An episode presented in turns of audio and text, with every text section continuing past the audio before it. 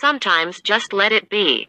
Once Buddha was walking from one town to another town with a few of his followers. This was in the initial days. While they were traveling, they happened to pass a lake. They stopped there and Buddha told one of his disciples, I am thirsty. Please get me some water from that lake there. The disciple walked up to the lake. When he reached it, he noticed that some people very turbid. The disciple thought, how can I give this muddy water to Buddha to drink?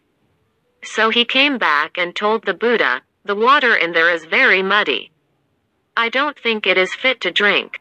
So, the Buddha said, let us take a little rest here by the tree. After about half an hour, again Buddha asked the same disciple to go back to the lake and get him some water to drink. The disciple obediently went back to the lake. This time he found that the lake had absolutely clear water in it. The mud had settled down and the water above it looked fit to be had. So he collected some water in a pot and brought it to the Buddha. The Buddha looked at the water, and then he looked up at the disciple and said, See. You let the water be and the mud settled down on its own. You got a clear water. It didn't require any effort.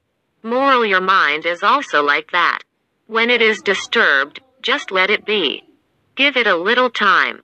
It will settle down on its own. You don't have to put in any any effort to calm it down. We can judge and take best decisions of our life when we stay calm.